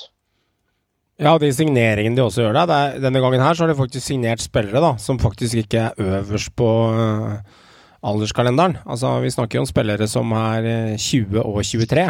Og det er jo lite grann Ja, det er ukjent for meg, da, som Rosenborg-supporter, øh, Meran, å se at vi, vi senker snittet lite grann. Det er øh, Jeg er litt spent på denne Og jeg tror faktisk det kommer mer, mer inn også. Noah Shaun Holm altså, Ja. han har et vakkert navn, da, men eh, jeg er litt spent på hvilke kvaliteter han kan besitte, og hva han faktisk kan eh, utføre for dette Rosenborg-laget. Eh, han har i hvert fall en helt annen type spiller enn det Dino er, det er jeg ganske sikker på. Jeg tror ikke han er i nærheten av den eh, Altså, dette her var jo i, i, I sin tid så var dette her et kjempetalent som da dro fra Drammen og Godset. Som 16-åring dro til Leipzig. mm. Uh, naturlig nok så ble uh, kampen veldig tøff der. Uh, han har jo gått en veldig god skole da, i, i Tyskland. Og, og, og der er det spisse albuer altså, og, og tofotstaklinger på trening for å, få, for å få komme seg opp og fram. Og så har han jo da spilt portugisisk fotball. Der har han jo fått med seg en 16-17 kamper i toppligaen for Vitoria Gumares. Eh, Riktignok uten noe mål, men dette, dette er ikke noe sånn eh, tulleliga. Det er portugisisk øverste liga. så så han har vært såpass eh, god at han har fått litt kamper der, og, og han er bare 20 år. Og det er en veldig spennende spisstype. Så dette syns jeg er en bra signering av RBK, det må jeg si. Og jeg tror heller ikke han er så billig å hente. Og han forventer nok at nå skal jeg hjem, jeg skal kickstarte karrieren min og spille mye. Men, eh, men eh, nå er jo Dino i gang, da, så det blir jo spennende kamp utover høsten der. Men det er nok ikke noen tvil om at det er Dino som er førstevalg. Og så må, må Noah Holm eh, ta vare på sjansen hun får. Det blir litt sånn, nesten litt sånn eh, ny Botheim-rolle, på en måte, hvis du skjønner. Ja. At han er i utfordrerposisjon, da. Jeg, jeg husker en måneds tid tilbake, så dro jeg opp noen uh, skikkelig dypvannsfisker på hvem som kunne faktisk uh, Rosenborg kunne lukte litt på, for å gjøre à la Molde-style. Og da ble denne spilleren nevnt. Så eh, det var jo det verste Krogeryktet som har eksistert i, i Synseligaens historie. Men denne gangen men denne gangen her, så, så var det faktisk ganske spot on. Så eh, jeg lover Du skal ha den. Jeg skal ha den. Så den var, den var spennende. Sta Og jeg tror det kommer mer inn, for å være helt ærlig. ja, det kan godt jeg, hende. tror, jeg, tror, jeg tror ikke RBK er ferdig. Eh, Jeg, jeg syns jeg Åge Hareide han har ikke det beste pokerfjeset. Eh, og han har jo fått direkte spørsmål om, om det er på en måte flere på vei inn. Og da kommer det lure smilet til Åge fram. Så jeg tror fort at eh, det kommer flere spillere inn eh, i løpet av det vinduet her. Og Henriksen er jo ute en måned til. Eh, Siljan er ute seks uker til, Joakim. Og Widesem Paul Ja. Han klarte kunststykket. Han har fått litt kamper nå fra start, siden vi ikke har hatt så mange andre. Og han klarte selvfølgelig å skade seg, han også. Litt overbelastning, altså litt vondt og smerter. Og bein og ankler og styr. Så det er seks uker på Widesem Paul nå også. Og så har vi Ja, det er fem-seks fem, uker eh, på faktisk Hannover, det stemmer det. Jeg ser ansiktsuttrykket ditt så litt sjokka ut, men det er riktig. Og så har du i tillegg eh, Tetty, som bare venter på eh, får en skade. Den kommer jo snart, selvfølgelig, så han skal ut en måned snart, han også. Bank i bordet. For det er eh, bare spørsmål om tid. Nå har det vært stille lenge derfra, Og og da, plutselig er det ganske tynt på midten der, faktisk. da kommer det skade. Så eh, ja da, det er ikke bare bare. Tenk deg det, gutter. Henriksen har, han ble skada i runde to. Han har ikke spilt i runde to, og nå er vi på runde 14. Altså, det er jo en halv sesong, det er ute, og han er fortsatt ikke tilbake. Det er jo et mareritt, vet du. Men det er, jo, det er jo litt det som er poenget. da. Det er litt når du når du henter inn spillere som er eh, ja Nå er ikke han så gammel, da, men de er over 30 hele gjengen. Altså Da tåler du mindre. Ikke Henriksen. Nei, han er vel 29? 28? 28, vel. 28. Men han har vært skadeutsatt tidligere, da. Det har han. Det, altså, men altså, ja, vente på Tetti, det er selvfølgelig altså, det er bare Han må ta seg en tur, og så går han ute i gresset ute på torget eller ute på den parken i Trondheim, og så har jo han falt om og kalva der og skada seg, han da. Håper ikke det skjer. tenk, tenk hvis Tetti glemmer at han ikke skal spille på kunstgress. Ja, han ja, på kunstgress. Han glemmer det. han seg. Det er heftig. Han glemmer det. Ballbinga, bli med! Vet du, så, ah, skal vi spille litt til ballbinga bare for moro Han, skyld? han, han blir med på kunstgress trening, og så skader han seg. Og det er rett i bakken, da. Har ikke sjans, han da. Da, for det, han har jo ikke det kontrakta si, For. Han kan ikke spille på kunstgress. Ja, det er herlig. Det er sant, det. Det kan jo faktisk skje. Men grunnen til jeg nevner det, er for at det er sånn typekoll At nå har vi aldri Ja. etablert det ute, og så mangler det bare at Tetty får en eh, overbelastning der, og så må han også ut noen uker. Og, og det skjer jo selvfølgelig når det er noen gresskamper han kan spille. For han er ikke skada, men da er det gress Nei, da er det kunstgress de skal spille på, så han må stå over allikevel. Det er mye styr, vet du. Irriterende bare. Konradsen er litt inne i varmen igjen der også nå. Ja, men det, Han er nok inne i varmen, for de har ikke hatt så mye andre valg. Så jeg, jeg tipper at Olav Skarsheim kommer til å spille foran han. Det er bare min spådom. Så får vi se. Det er eh, Ja, Ja. vi får se. Meran, endelig en Stabæk-seier. Og eh, denne gangen hadde jeg faktisk ikke trua på at Stabæk skulle vinne. Eh, Men det er vel kanskje da de blå eh, dukker opp og får seg den trepoengeren for å lage et helvete ned i bånn der. For det må være tett og jevnt. Det er tross alt fire lag som har én seier på de siste ti, og Stabæk kunne ikke være foruten den. Men det verste er at jeg hadde sånn halvveis trua. Jeg hadde trua på at vi kunne komme oss hjem fra Mjøndalen med i hvert fall en uavgjort. Jeg hadde ikke trua på tap. Jeg trodde at vi, vi skulle faktisk i hvert fall sikre oss en uavgjort. Men så vant vi, og vi spilte en veldig god kamp. Og jeg syns Kjøne har allerede gjort ekstremt mye med det laget som eh, har vært der nå. Det, det er veldig klart og tydelig. Det er veldig tydelig å se hvordan vi ønsker å spille. Det er veldig tydelig å se hva vi skal med en gang vi får ballen. Jo, vi skal oppover. Vi skal ha en klar plan på hvordan det gjøres. Så er det litt sånn som så enda med kvaliteten, men det kommer. Men jeg er i hvert fall veldig fornøyd, og jeg tror vendepunktet var, som jeg var inne på i stad, den kampen mot Follo. Nå har vi tre seire på rad. Jeg tror fader meg vi, vi, vi skal kjempe nå ass, for å holde plassen. Og nå i tillegg så har vi henta inn en, en fire nye, som er bekrefta i hvert fall. Eh, Så, så dette her lover Ta oss igjennom de nye, Meran. Ja, gjerne det. Eh, i dag så er det bekreftet Eller jeg kan ta de som er bekrefta. Kasper Pedersen fra Esbjerg, forsvarsspiller. Ser ut som en hybrid av uh, Tommy Stenersen og Christian Keller utseendemessig. Veldig dansk, skalla mann. Um, vi har henta en herlig midtbanespiller. Uh, Martin Høiland fra Grorud på en tre og et halvt års kontrakt. Grorus Kanté. Groruds Kanté. Altså det er da en Deff Mitt som, eh, som, er foran midtstopperen der, er kjempegod. Eh, og jeg gleder meg til å se han i stabæk Jeg vil si dette er den beste signeringen hittil. Så har vi henta en som heter eh, Viktor Wernersen. Svensk venstreback på lån ut sesong. Den kom i dag. Og så har vi signert Pål Kirkevold ut året, da. Så, så det, det, lover godt. Det lover veldig godt for fortsettelsen. Jeg tror laget begynner å se bra ut nå. Og så har jeg eh, hørt noe om at vi skal, noen er også på vei ut. Eh, Isaksen har allerede gått til KBK. Så nei, jeg ser en klar, tydelig endring i Stabæk nå. Og jeg tror også at flere er på vei inn. Det tror jeg. Sånn, men litt sånn, ikke for å ta vekk fra Stabæk, da, det de gjorde. Men det som jeg mm. syns var litt faresignal, er sånn som Mjøndalen spilte der, sånn kan ikke de begynne å holde på nå. Altså, fordi noe av Det eneste Mjøndalen har hatt hittil i år, har vært at de har spilt Mjøndalen fotball, virka veldig trygge og gode, spesielt på hjemmebane. Vært gniende bakover, ikke vært mye feil, og på en måte spilt litt sånn trygg fotball. Sånn som de, for det, av mangel på bedre ting å se på, holdt jeg på å si, så så jeg Mjøndalen Stabæk. Eh, mm. Fordi det var ikke så mange kjempespennende kamper uh, akkurat den runden, følte jeg. Men som Mjøndalen spilte der, da er det rett ned. Altså, det, ja, ja. det var noe ufattelig pinglete. Ikke for å ta noe vekk fra deg. Nei, men vi tok dem ut av kampen. Men nå blir liksom, når du liksom, et av de andre lagene i bånn som på en måte har slitt voldsomt hittil, og du presterer å gjøre en mer eller mindre så dårlig prestasjon som Mjøndalen hadde der, det lukter dårlig. Og de kan ikke holde på sånn. fordi da er det de som havner rett ned i sørpa der og sliter mest.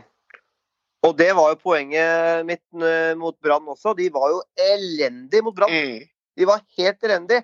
Men de klarte jo å rane Men det er ranet med poeng, ikke sant? Eh, ikke sant? Og, og samme gjorde de mot Sarp. Og nå er det, det laget der de er på nedadgående kurve mm. nå, altså. Uh, vil jeg si. Uh, og det, og det, er ikke, det, er, det, er, ikke lenger ned til Stabæk og Brann at det der begynner å bli riktig skummelt. Og MIF har ikke mye uh, muskler å hente spillere for. Nå har Stabæk og Brann rusta opp for høsten. Og, og, og Tromsø har fått uh, Espejord uh, ut sesongen, og plutselig er han tilbake. Og da har du god spiss der framme i, i, nord. Så Mjøndalen den, lever farlig nå. lever farlig nå, ja. Det er jeg helt enig i. Det er et veldig veldig godt poeng. Og det er helt riktig det du sier der, Håvard. Fordi per nå, Stabæk, vi er ett poeng bak Tromsø på kvalik, og vi er tre poeng bak Mjøndalen på trygg grunn. Så dette her lover godt. Det lover veldig godt. Og jeg er sikker på at Skjøne kommer til å få maks ut av det laget, og med de nye spillerne inn nå. Jeg tror Stabæk vil være med å kjempe med nebb og klør for å holde den plassen og unngå kvalik, og faktisk holde plassen. Eh, om det skjer, det vet jeg ikke, men vi skal i hvert fall være med å kjempe. Nå, nå som ting har roa seg, mer, du har fått ting på avstand vet Du hadde jo en crush på Jannefar. Eh, tenker ja. du nå at eh, Kjørne-ansettelsen er OK? Ja, men Det har jeg alltid sagt. Men eh, jeg ble selvfølgelig veldig lei meg fordi jeg mista Janne. Men Kjøne var jo den som skulle bli trener etter Janne uansett. Eh, det var bare for meg et stort sjokk at det skjedde så tidlig. Men det var jo det riktige, altså det er jo den riktige avgjørelsen. Eh, selv om det smerter meg å si det. Men jeg tror, jeg tror, jeg tror han har gjort noen riktige valg, altså. Det ser ja, ut som et lag i, uh, i Vi ser ut som et lag. Vi ser ut som et lag. Hadde vært så eh, bitter jeg hvis jeg var Vegard Hansen. Nå har jeg vært så jævlig bitter. Og så vært Vegard Hansen. Vegard Hansen. Ja, litt. Mjøndalen-trener. Jeg har sittet og tenkt litt på det når dere prater nå. fordi at Hvis du ser med Mjøndalsøynene, altså De har tapt én kamp med 2-0. Og eh, de mister det mot Brann, med Bamba siste skudd ja. på ballen. Bare se det med Mjøndalsøynene, og ikke se det med deres supporterøyne. Og så mister de det mot Sarpsborg ja. 16 minutter på overtid. Det er liksom Bare de to kampene der er fire poeng. Ok, så kanskje si at vi ryker mot Brann, da. Eller ryker mot Sarpsborg, en av dem. Men så klarer du kanskje å close av den ene kampen. Da hadde vi hatt de to ekstra poenga, som hadde fått et ekstra pusterom ned. Og det hadde vært så jævla viktig for dem da hvis jeg hadde vært Mjøndalen-supporter nå. Så jeg, jeg hadde vært skikkelig bitter nå. Og så I tillegg så er det en av de laga i bånn der også som har blitt minst flådd når de har møtt de andre laga. De taper 1-0, de taper 2-1. Eh, de spiller 0-0, de spiller 1-1. De, det, det, det, det er stusslig, jeg er enig, men det er sjelden liksom Sjelden man blir skikkelig skikkelig tatt på senga, da, med 4-1 og 5-1, og Brann har blitt tatt noe jævlig av noen lag, og det har Stabæk også blitt. Men Mjøndalen har alltid vært tight i ramma hele tida. Altså, hadde jeg vært Mjøndalen-supporter, hadde jeg vært litt sånn, sånn mulefunken når jeg sitter og ser over resultatene, faktisk, hvis jeg hadde vært brun nå. Litt. Ja, men ja, du kan si det, men det stemmer jo egentlig ikke. For det er litt som vi har vært innom før òg, at Mjøndalen har i hele år sett Altså, dere ser så døve ut. Altså, kvalitet fra- kommer til syne, vi ser jo det. ja, jeg mener, altså, en ting er at ja, du er flink til å stenge, og det er viktig. De må det. De har fått litt skryt, og jeg har gitt dem skryt for det. At de har klart å sperre av litt bak og være litt kyniske. Men Ja du kan ikke være så kyniske at du ikke klarer å skape noe på andre banedel, som er problemet til Mjøndalen. Ja. De har jo ikke noe å komme med framover. Altså, det stopper jo komplett opp. Men nå har har ikke liksom nå, men. Meran, har men, men Joakim, nå har ikke Brann har vært litt uh, enten helt ræva i angrep, eller så har de faktisk vært litt sprudlende.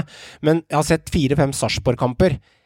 Det har sett begredelig ut i angrep, det òg, altså. altså. Det er Jo, mange lag som har sett ganske tynne ut foran. Men poenget er det du må tenke på, ikke sant? at du skal spille mange uavgjortkamper før du tar igjen på en seier. Ja, det er jeg enig i. Og det er derfor ofte, de- det er derfor ofte de lagene som blir pissa på iblant, de klarer seg bedre, fordi plutselig har de den kampen hvor de vinner 3-1, Ja, og de vinner eh, 3-0. Ja. Og da får de trepoengerne. Mjøndalen får ikke de trepoengene. De, Jeg de klarer ikke dem. Og da Og- Og, og jeg tror, jeg tror og dette husker jeg i fjor òg, når de fikk det der sinnssyke tapet mot Enga der når alt gikk imot, hvor Mm. mye det prega gruppa når de fikk det der på mange måter urettferdige tapet. Da, alt liksom gikk imot med dommerfeil osv. Ja, ja. Og nå har de da hatt en re lang rekke med kamper nå der ting har vært skikkelig stang ut. Det tror jeg kan prege den spillergruppa. Mm. Og der er det ikke mye kvalitet, for å være helt ærlig, sånn spiller for spiller. De må klare å ri sånne ting i land. Og det har de ikke klart nå. Mm. Og ta taper da mot Stabæk, som faktisk hadde den dårligste kurva i hele ligaen. Ja. Og taper da hjemme på Konsto. Fortjent også, for Stabæk var jo klart best. Klart best. Så, så øh, jeg hadde vært bekymra hadde jeg vært Vegard Hansen. Og jeg tror ikke det er mye midler å hente for heller, for å være helt ærlig. Og så har de brukt opp trumfkortet sitt med å servere gutta pils og pizza før kamp. Den er allerede brukt Nei, opp. nei det, har- det, er aldri, det er, aldri brukt opp i Nedre Eiker. Nei da. Det, det, det er er keb og sprit neste gang. det funker. Altså, det, det, er whisky og poker. Altså det, det, det, det funker hver gang. Så det, det er bare i Bærum du kan gjøre det én gang. Så det, den stryker vi mer an, fordi det funker hver gang. Men jeg, jeg, jeg vil snu litt på den femøringen til dere og si at det, ja, jeg skjønner det, at det er bedre noen ganger å tape 3-4-5-1, som Joakim er inne på, og så plutselig neste kamp så vinner du 2-3-1 på hjemmebane. Eh, Jeg, jeg ser den. Flådd én runde, og så overrasker runden etter. Litt sånn Brann-style. Men jeg lurer litt på, og jeg bare synser meg litt fram til det, og undres litt på om Mjøndalen til slutt får betalt utover høsten fordi at de har vært så gjerrige bakover, at de kanskje får det til slutt, når de alle andre lagene begynner å tape for mye stort. At det helt til slutt så vil det kanskje noe av de resultatene de fikk 1-1 nå, vil de klare å låse av vinne 1-0. At det kanskje vil holde allikevel. Jeg bare, jeg bare har en liten tankefølelse for det. Lite grann. Som jeg har sagt før, de har jo patent på å være der nede, eh, som vi snakka om eh, sist. Og dette er noe de kan. Ja. Så er det jo bunn, bunnstrid. De er vant til faenskapet faenskap her. Det, er det, det er det de lever for. Ja. Det er jo det hver eneste år. Ikke sant? Det er jo å kjempe ned i bunnen med nebb og klør og klare å karre til seg en kvalik eller Ja en da, ja 13.-plass. Ja. Ikke sant? Så, Ja. så vi får se. Men ja, de er en, på nedadgående kurve nå. Det er Det det. er de. det, er det. Sånn jeg ser det, så er det veldig enkelt. Mjøndalen er avhengig av at de andre lagene rundt ikke blir bedre. Fordi jeg tror ikke Mjøndalen kan bli veldig mye bedre selv. Nei, eller er at de, ja, men eller at de klarer å Den ene kampen mot Brann, den ene kampen mot Sarpsborg, så klarer Begge kampene Jo, men, jo, men De mister fire-fem minutter på overtid i begge matchene. Altså Hvis de bare klarer ja, ja. å låse av én av dem, så er det to poeng sikra ekstra. Det er det jeg begynner å stusse det, litt med. det hjelper ikke hvis de andre lagene begynner å bli jevnere. Nei, jeg ser den. Fordi da begynner de å ta mer poeng. Så det er det som er poenget. Det er derfor vi, det er derfor, det er derfor vi syns det, da. Det er derfor vi, Ja, spillemessig er de så svake. Ja da. Spillemessig. Det er derfor vi synser litt med det. Men det er jo en grunn til at eh, 1-1 har blitt et klassisk eh, uttrykk i uh, Synseligaen litt sånn kvotemessig. For eh, 45% av alle matchene mer enn til Mjøndalen, de ender jo 1-1. Så det, det er jo litt sånn det er. Så ja. Nei, nei, gutter. Hei, Vegard Hansen fra Mjøndalen her. Har du lyst til å vite hva som skjer i Eliteserien, og litt hva som skjer mellom rundene, lytt til Synseligaen. Podkast av fans for fans. Vi høres. Fantasyprat, ja. Ja, ja, ja. Ja, vi kan jo starte hos deg, Håvard. Eh, Du eh, Jeg velger å starte hos deg fordi at du kjørte dette rik onkel i bordet. Det ska, skaffa deg 63 poeng. Det er litt over snittet til oss andre gutta i panelet. Eh, er du fornøyd hittil, eller føler du egentlig at du fikk litt for lite betalt versus at du kjørte kortet nå? Nei, jeg har jo en del kamper igjen, da. Jeg har jo, øh, jeg har jo dobbe, dobbe, jeg har Alle gutta som jeg valgte, hadde jo doble kamper. Så det blir jo Det blir jo spennende å se hvordan fangsten blir i den runda som kommer nå. Da får jeg på en måte se om det var verdt å bruke det. Eh, Men det brant så lenge inne hos meg nå. Når jeg så at det var så mange lag som hadde doble kamper, så måtte jeg bare kjøre det, altså. For, for det, det, det var et sånn kort som begynte å svi i lomma etter så mange runder uten å ha brukt det. Men uh, irriterer meg veldig over at jeg val valgte Kristoffer Nordmann Hansen og ikke han godeste Viktor Jonsson, han islendingen. For Vurderte du Jonsson? Uh, ja, jeg vurderte så jævlig, liksom. Istedenfor Nordmann Hansen, men så endte jeg med motsatt ving. Og så var det Viktor Ari Jonsson, eh, gamle Brann-spilleren, som eh, både hadde mål og assist osv. Så, videre, så det irriterte meg veldig. Men eh, altså, så hadde jeg også litt sånn bom på noe Sarpsborg der og, og sånne ting. Men eh, traff jo helt OK. Og i forhold til mange andre, så vidt jeg så, så er ikke den runda så halvgæren egentlig.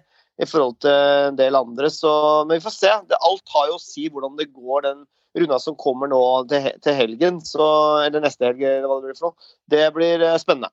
Ja, du får ti av elleve spillere da, på laget ditt som skal spille neste runde. Det er én som du glipper, og du får heller ikke noe innbytte for han. Eh, Thomassen kommer ikke til å spille. Du kommer til å stå med null poeng for han, for han fikk gult kort i den matchen. Så han har fire gule, så han står over den eh, kampen der. Det er en av grunnene til at jeg sjøl har gått for Utvik, av at han har ikke det gule, vet du. Eh, så, Men Thomassen er en mer målpoengspiller, så det er en fordel der med han for deg, da. Men du har et bra, slagkraftig lag. Veldig annerledes enn mitt eget lag. Eh, Sjøl så valgte jeg å gå for 12 minus, for å ta det først, for jeg tar deres lag, gutter. Jeg gikk for 12 minus igjen der. Eh, Jeg har litt poeng å gå på til dere. Jeg har en 70 poeng til nummer to, og det er Joakim eh, av dere. Så dere er ned i grøten. Jeg sitter på min høye hest enda, og det koser jeg meg litt med, siden jeg var slakta som en, eh, som en gris i fjor av dere i Fantasy, men i år har det blitt motsatt. Men jeg kjørte 12 poeng i bordet i minus, fordi at det er så viktig å henge med på disse dobbeltrundene. Eh, og det er mye poeng som avgjøres der. Og så har jeg en liten dark horse til helga, og det er at jeg har eh, OI. Selv om han bare har én kamp, så har jeg valgt å kjøre inn han. Rett og slett fordi at jeg antok at dere ikke kommer til å gjøre det, mange av dere. Og da vil jeg ha en liten diff der. Eh, derfor kjørte jeg OI. Men den av dere som faktisk gjorde det, eh, Meran, ta deg først, da. Eh, ja, Ja. Du, kjørte vel OI, stemmer ikke det? Det stemmer. Eh, Jeg også, i likhet med deg, kjørte en 12 minus, for jeg måtte rydde opp litt. Ja. Uh, Jeg har eh, ni av elleve spillere som skal spille neste uke. Men jeg, men jeg har OI, ja. Det er helt riktig. Jeg har. Mm. Men du også tok litt inn her eh, av spillerne som skulle spille dobbeltrunde. Ja. Eh, fikk du litt FOMO, altså fair Ja, ja, missing out, eller hva skjedde her? Ja, altså eh, Litt panikk, for jeg hadde jo mange spillere som var solgt. Altså Jeg måtte rydde opp i hele laget mitt, liksom. Eh, så jeg endte opp med å ta 12 minus, jeg òg. Mm. Og så var det til slutt at jeg kunne ikke ta mer minus, så jeg måtte stå, da. Eh, og det besto av Godset-gutta. Jeg hadde to Godset-spillere som ikke har dobbeltkamp. Mm. Eh, endte opp med å få ni poeng på dem til sammen, så det var ikke sånn stor suksess der. Men, eh, men eh, resten av spillerne har dobbeltkamper. Jeg har Ari Jonsson, eller han fra Sandefjord, veldig fornøyd med. Ja. Jeg har eh, OI, jeg har Lene Olsen som kap kaptein. Og, så jeg har trua på laget mitt. Jeg tror det her kan gå bra. Er jeg heldig, så kan jeg ende med en kanskje en 70-80 poeng, da, hvis jeg er heldig. Nei, du ender høyere enn det. opp med 30-40 til. Jeg har vel passert deg nå, tror jeg, Meran. Ja, jeg er på 49 poeng nå. Eh, ligger på Du har passert den samlet, ja. Det har du. Det har du, Håvard. Ja. Det er, det er godt mulig. Så vi får se etter Så har du tre Molde-spillere. Eh, Aursnesen, Bjørnbakk og OI. Så du har gjort det litt sånn Yes. krumspring der som kanskje ingen andre gjør, da. Ved å prøve å se vekk fra dobbeltrunden og kjøre på serielederen og satse på at de Ja, de de bare beholdt jeg ut. Satser du dunk i hadde det, ja. Spørs om. Aursnes spiller, faktisk. For nå er, nå er jo han eh, Wonderboyen inne. Ja, det er sant. Vi får se. Men vi får se. Vi får se. Joakim, 43 poeng. Ikke noe flying start denne runden her, selv om det har mange spillere til gode. Men Håvard tok et uh, lite byks på deg der. Det er en uh, hva skal jeg si for en 15-16 poeng ned til Håvard. Uh, og Håvard har ca. like mange som deg i runden som kommer til helgen. Dine tanker om laget ditt? Nei, men Jeg har jo nest, jeg har ikke gjort en eneste endring. Det eneste jeg har gjort, er at jeg plutta på Solholm Johansen. Så jeg har brukt, brukt ett bytte.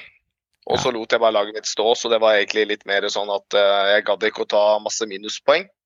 Litt på grunn av, det skal jeg innrømme, litt på grunn av det at jeg er de lagene som spiller nå, så føler jeg ikke at jeg på nødvendigvis Jeg ser ikke noen sånn soleklare 20-poengere der, da. Det, kan, det, er veldig mange kamper som kan slå begge veier. Uh, det er veldig mange kamper som ikke kan ende i så veldig mye, så nei, jeg er egentlig helt fornøyd, jeg. Har gått egentlig som forventa. Jeg forventa litt mer av godset enn det jeg fikk. Mm. Uh, eh, Forventa litt mer av Mjøndalen mot uh, Stabæk. Mm. Uh, men bortsett fra det så har det gått som forventa, og jeg ender jo på en grei sum til slutt, tror jeg. Jeg har troa på det laget som står igjen nå og skal spille de siste fire kampene. Ja, og godt så fikk du jo at, jævlig bra betalt for siste runde, da. Der fikk du godt betalt. Der traff ja. du bra. Jeg håper ja, og da putta jeg også inn spillere som, altså med vilje spillere som også skulle spille dobbel, altså spille runde etterpå. Ja, riktig. Jeg håper at han eh, lille Oliver Edvardsen fortsetter den der eh, stimen han er på nå. Selv om jeg håper at Stabæk taper, men at han skårer mål. For han er i en bra sånn eh, rekke nå, han har jeg faktisk på laget mitt. Så han traff jeg ganske bra på mot uh, Mjøndalen. Uh, og, og, Lene Olsen, selvfølgelig. Som han må bare fortsette å skåre, for han er min kaptein. Så får vi få se. Han har vel alle sin kaptein, da. Jeg er ikke langt unna. Ja, akkurat nå er den det, men det er bedre at den goller uansett. For det er alltid noen som ikke ja, har den. Det er vel en 30-40 som har den der, men uh, kanskje ikke alle som cap. Jeg ser den. Uh, Sandefjord-karer uh, Altså, jeg sitter og ser på dem. De har, sitter med fire-fem seire på siste tid der. De vinner fotballkamper stadig vekk. Nå har de linka, linka til seg Mossa Njay også. som var en Han er klar.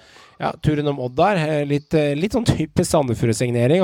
Fikk ikke noe stor tillit og lyktes ikke helt i Odd der heller, men nå, plutselig så ender det ned der. Og ja, vi får se, men dette laget her, da, kollektivet her, altså jo mer jeg ser på dem, nå røyk de mot, røyk de mot Arendal der. jo mer er jeg trygg mer på at de ikke rykker ned. Med tanke på at når jeg snakket om de andre fire store, for å bruke det mm. engelske uttrykket, i bånn av ligaen nå, ja. Sta, Stabæk, Brann, Tromsø ja. og Mjøndalen, vinner én av de siste ti matchene, så sitter Sandefjord med ja. fire eller fem seire på ti. Eh, hvordan, kan de, hvordan kan de i det hele tatt rykke ned, eller er jeg naiv? Nei, du er ikke naiv i det hele tatt. Og i tillegg så slår dem jo de laga i bånn. Eh, jeg tror jeg må svelge ordene mine for andre år på rad. Og svelgefest. Jeg, svelgefest. Jeg, ja, ja, det er svelgefest, liksom. Jeg, det pleier å brukes i helt andre omstendigheter svelgefest enn i fotball, tror jeg. Ja. ja. Men uh, uansett, jeg må svelge de orda, fordi jeg sa igjen i år at Sandefjord kommer til å rykke ned, ned. Det skjer ikke. De, de, igjen overbeviser, igjen viser hvor, hvor godt lag de er. og ber også. oss i tillegg, de to trenerne fungerer jo da, sammen. Kjedeligste trenerparet i hele ligaen, men den fungerer. Og ikke bare er de kjedelige, men jeg har jo faen ikke sett nesten et intervju med dem engang! Altså, Eurosport er jo ikke interessert i å prate med dem engang. Hvis, hvis du følger med litt på norsk eliteserie, så er det sånn at hvis du får spørsmålet 1 million kroner, hvem er trener i Sandefjord? Det er sånn herre det, du er usikker, vet du, for folk har jo faen ikke Det er helt ekstremt, liksom. Altså, altså ah, Ødegård, altså. Ja. Altså, Hans i Ødegård han er jo like blyg som sønnen. Han vil jo ikke prate til media. Er ikke interessert. Han nekter, nek, nekter jo å prate, sånn som uh, Martin, uh, Martin 16 er. Ja. Han, vil, han, vil, jo ikke snakke, snakke, og han er jo hovedtrener for et lag i Eliteserien. Ja. Det er, det er nesten sjarm. Sånn er det. Det er en, eh, det er en eh, blyg type og en traus, traus fyr, men de gjør det bra. da. Laget leverer! Laget leverer. Og du skal ikke se bort ifra at Moussa Njay plutselig begynner å skinne en sånn vraggods av en spiller som er liksom eh, på en måte Kom og ga hele Stabæk-laget korona tatt en, del, tatt en, del, feil valg kan du si, i karriereveien sin. Plutselig er han i Sandefjord, og så kanskje det løsner litt. Men jeg har heller ikke noe trua på at Sandefjord rykker ned. Men kanskje litt ironisk er at når vi begynner å si at de rykker ikke ned, så kanskje det nettopp gjør det. Hvem ja, veit. Ja, bra. Vi trenger flere kandidater. flere kandidater. Ja, altså, men statistisk på ti kamper, da, hvis vi måler det veldig enkelt Når de laga i bånn vinner én av ti, og de vinner fire av ti så er det så enkelt at det er mer poeng i bordet. Altså, eh, de, de vinner jo halvparten av kampene de møter opp i, og da, da gjør de noe riktig der nede. Så eh, nei, disse hvalfangerne, ass. Fy fader, det er seige jævler. Det må jeg si. Eh, Odd uten Bakenga og stoppere som eh, er skada her og i påvente der og kanskje kan spille her og leke ved ned og ja, nå har du fått eh, Rudaren tilbake, men det er liksom eh, Altså, det er nakent, da. Det er traust, Håvard, hvis du skal fjerne denne kjappe lille bakgrunnsspilleren fra laget. Ja, fordi vi må kanskje ta uh, sakens kjerne her. Det er at uh, Bakenga han, uh, han linkes jo kraftig ut. da. Han har jo gått ut offentlig og legger press på Odd og sier det i, på intervjuer når han er gjest i studio at han vil bort. Han vil til Japan. Det er dit han vil. og det har tikka inn eh, bud både fra Saudi-Arabia og Russland og, og da Japan. Og det er Japan han vil dra. Han vil oppleve ny kultur og et nytt, spennende, eksotisk land. Han drar en junker, rett og slett. Eh, Han vil, eh, vil bort til, til Østen og, og spise sushi og kose seg i, Japan. Så eh, får vi se om Odd aksepterer budet, men det er ikke noe tvil om det at eh, Odd har et kjempeproblem hvis Bakenga forsvinner. Hvem skal skåre mål? Er det Tobias Lauritzen som kun skårer mål på Odd 2? Vi får se. Og Joakim, du rister på huet. Jeg veit hva du tenker om å gå til et land for å være eksotisk og spise med, spise med pinner, eller hva man ønsker, men eh, er du oppgitt over sånne uttalelser? Eh, er det det jeg senser mellom eh, en skjerm her? Han, han kunne bare vært ærlig, da, så har jeg lyst til å tjene masse, masse, masse cash. Det er derfor jeg går til en liga som ikke er den norske ligaen i det hele tatt. Nei. Er fullt av vrakgods fra resten av fotballverden. Derfor går du til japansk liga. Det er ikke noe høyt nivå i det hele tatt på japansk liga. Det er piss. Men du hadde, du hadde likt det hvis han bare sa ute etter bling-bling og spenn? Ja, ja si det, da. Vær litt ærlig på det. Pelle, når han dro ut, vær ærlig på det. Jeg begynner å bli gammel, jeg skal ha penger. Jeg vil tjene penger. Jeg begynner å bli Det bedre, gammel, jeg skal ha penger. er. Ja, altså Japan, du får ikke noe igjen for å si Ja, det er greit, jeg skjønner poenget. Japan, morsomt land. Ja, absolutt. Men, men du er fotballspiller. Deilig livsstil, da. Deilig livsstil. Jeg skjønner litt, eh, at han uh, har lyst til å dra dit, altså. Jeg må innrømme Men han det. skal ha Sushi, penger. damer Det er Han skal ha penger. Han kan være Ja, ja, ja. Og han har bare én karriere, og han begynner å dra litt på året. Så jeg skjønner gutten. Og det er ikke så eksotisk i Skien, altså. Nei, men så hør på hvilke liga, andre ligaer du drar opp på. da, valgmuligheter, liksom. Han har tilbud fra Japan, Russland og Saudi-Arabia. De tilbyr ingenting, noen av de, av fotballmessig utvikling utenom penger. Det er alt du får der. Men uh, han Men- skjønner det ja, ja. sjøl at nå er det min siste sjanse nesten Yes, til å dra, dra ut. Og nå kan jeg uh, fylle på kontoen og chill. kose Ja. meg i Tokyo og være stjerne der. Så ja, jeg skjønner han litt, faktisk. Uh, Jo, men det er. Men si det, da. Men, men om det er en uh, sportslig bedre liga, det er jeg Det er veldig i tvil Det er veldig tvil om. Men Ja. jeg tror jeg han er ute etter heller. Han er, han er keen på å fylle på kontoen og leve det gode liv i Japan. Ja, men jeg er litt enig med Joakim også. Altså, er du ute etter spenn, så si at du er ute etter spenn. Si at Er du ute etter sportslig utvikling i Belgia fordi at du mener det er en bedre liga, noe det også er, så er det fair enough å si det. Men å reise til eh, eh, Sydjønske eh, og spille på B-laget der, eller spille for, eh, spille for en svensk klubb, Brommapojkan, og si at det sannsynligvis er et step up versus norsk liga, som noen løkruller har uttalt seg med tiden, og si at det er så veldig mye bedre og det er sportslig utfordring Altså, det, det sitter ikke høns hjemme norske, eh, no, no, no, norske Fjellheimen som oss av supportere og tror han bullshitter oss, altså. Det er penga han går for, og da syns jeg det er fair enough å si det som det er. Men hva vil eh, men, Hvorfor det? Han har jo ikke meldeplikt for noen, han. Nei, han har ikke, han har, han, han har ikke meldeplikt til noen. Men skal, legge bort det jantelov. Nei, men Meran, Meran, skal du, Meran skal, du først, skal du først uttale deg og ønske å melde, så må du være ærlig på det du melder, da. Du kan ikke komme med en sånn Han har en annen Nei, nei, ok. Han, vi, vi, ok, da, jeg skjønner. Da kan vi legge ordet på Vi må ikke som å gå på do, vann og dusje og spise mat. Jeg forstår. Vi, ordet må brukes. Greit. Han må eh, ingenting. Men over til det sportslige med Odd. Hva vil skje med Odd? Ja, de sliter. Altså Blir det nitrist slite. midt på tabellen? Snakker vi at vi får problemer? Altså Vi snakker om Lauritzen. Altså er det underholdningsverdi igjen her? Nå begynner, nå begynner på en måte altså, De har en veldig godt grunnspill. Vi, igjen så kanskje går vi den fella på at vi ø, snakker om spillerne, og ikke om grunnspillet til Odd.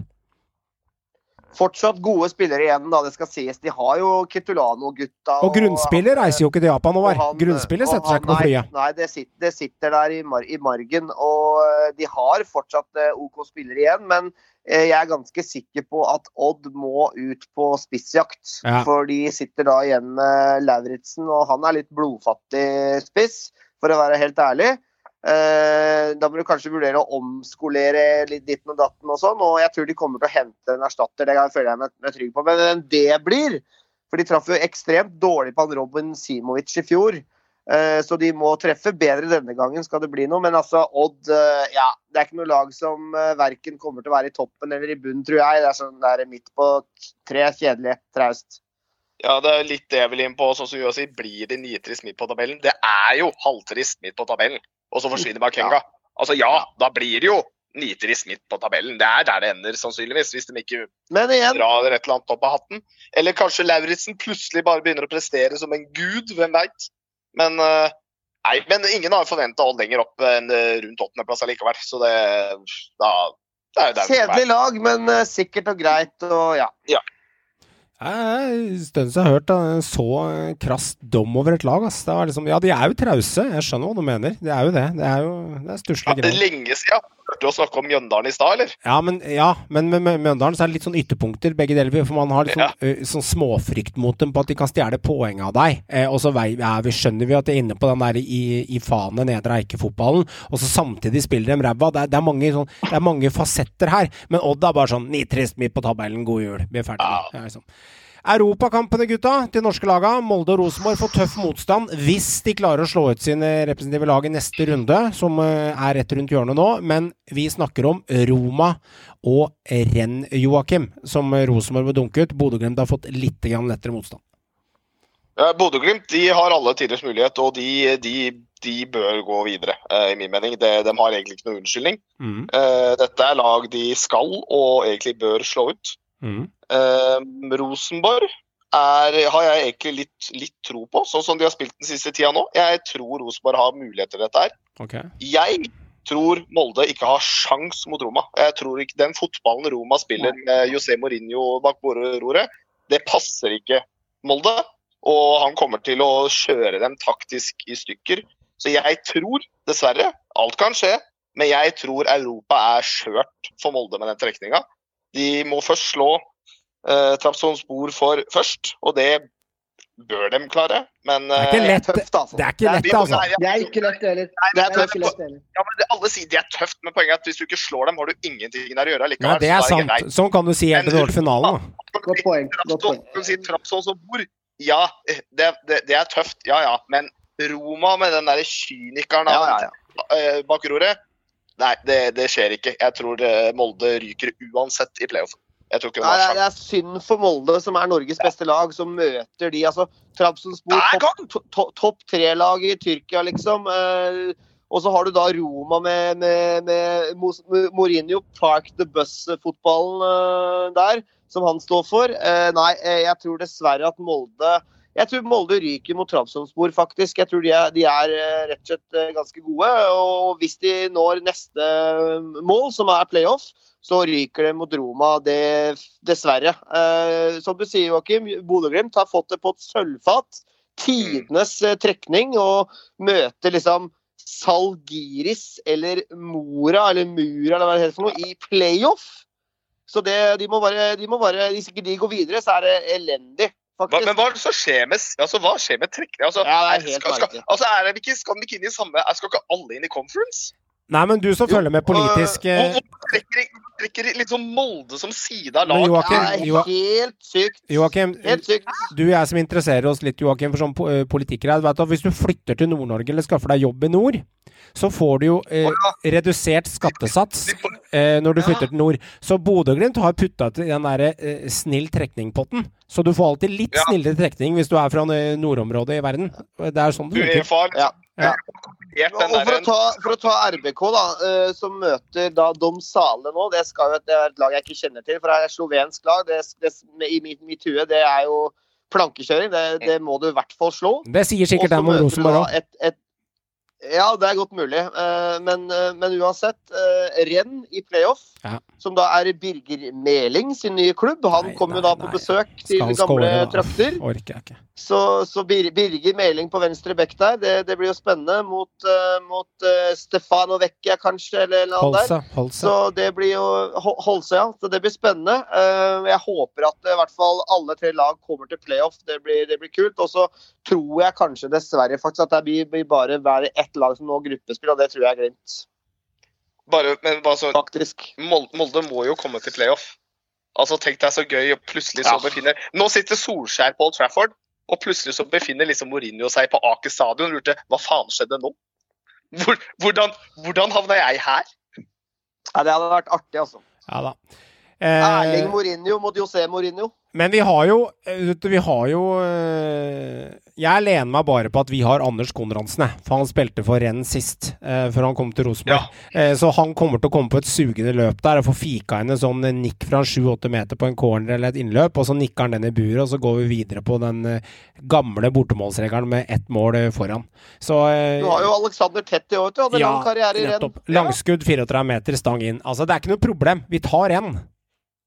Rosenborg går til Ja, ja, Europa. ja, Det, altså, uansett hvor ræva RBK nesten er de siste fire åra, Håvard, så klarer de alltid å karre til seg noe. Det er sånn det er å være Rosenborg-supporter. Du får alltid med deg noe ut døra. Om det er jævla plass Nei, i fjor? gjorde vi ikke det, og holdt på å kutte oss huet hele gjengen. Men nesten alltid de siste ti årene så har Rosenborg fått med seg noe av medalje eller Europa. Og vi har vært i Europa seks av ti år. Vi får med oss noe, og vi får med oss noe gangen her òg. Dette går bra. Jeg håper, du, jeg håper du har rett. Jeg håper vi får i hvert fall, eh, hvert fall to lag i gruppespill. Men, eh, men jeg tror det blir tøft, altså. Jeg tror det. Det er, eh, det er mange drittlag de kunne ha møtt, men Ja de har møtt De, de, de har trukket relativt gode lag Ja eh, som de skal slå ut nå. Ser den.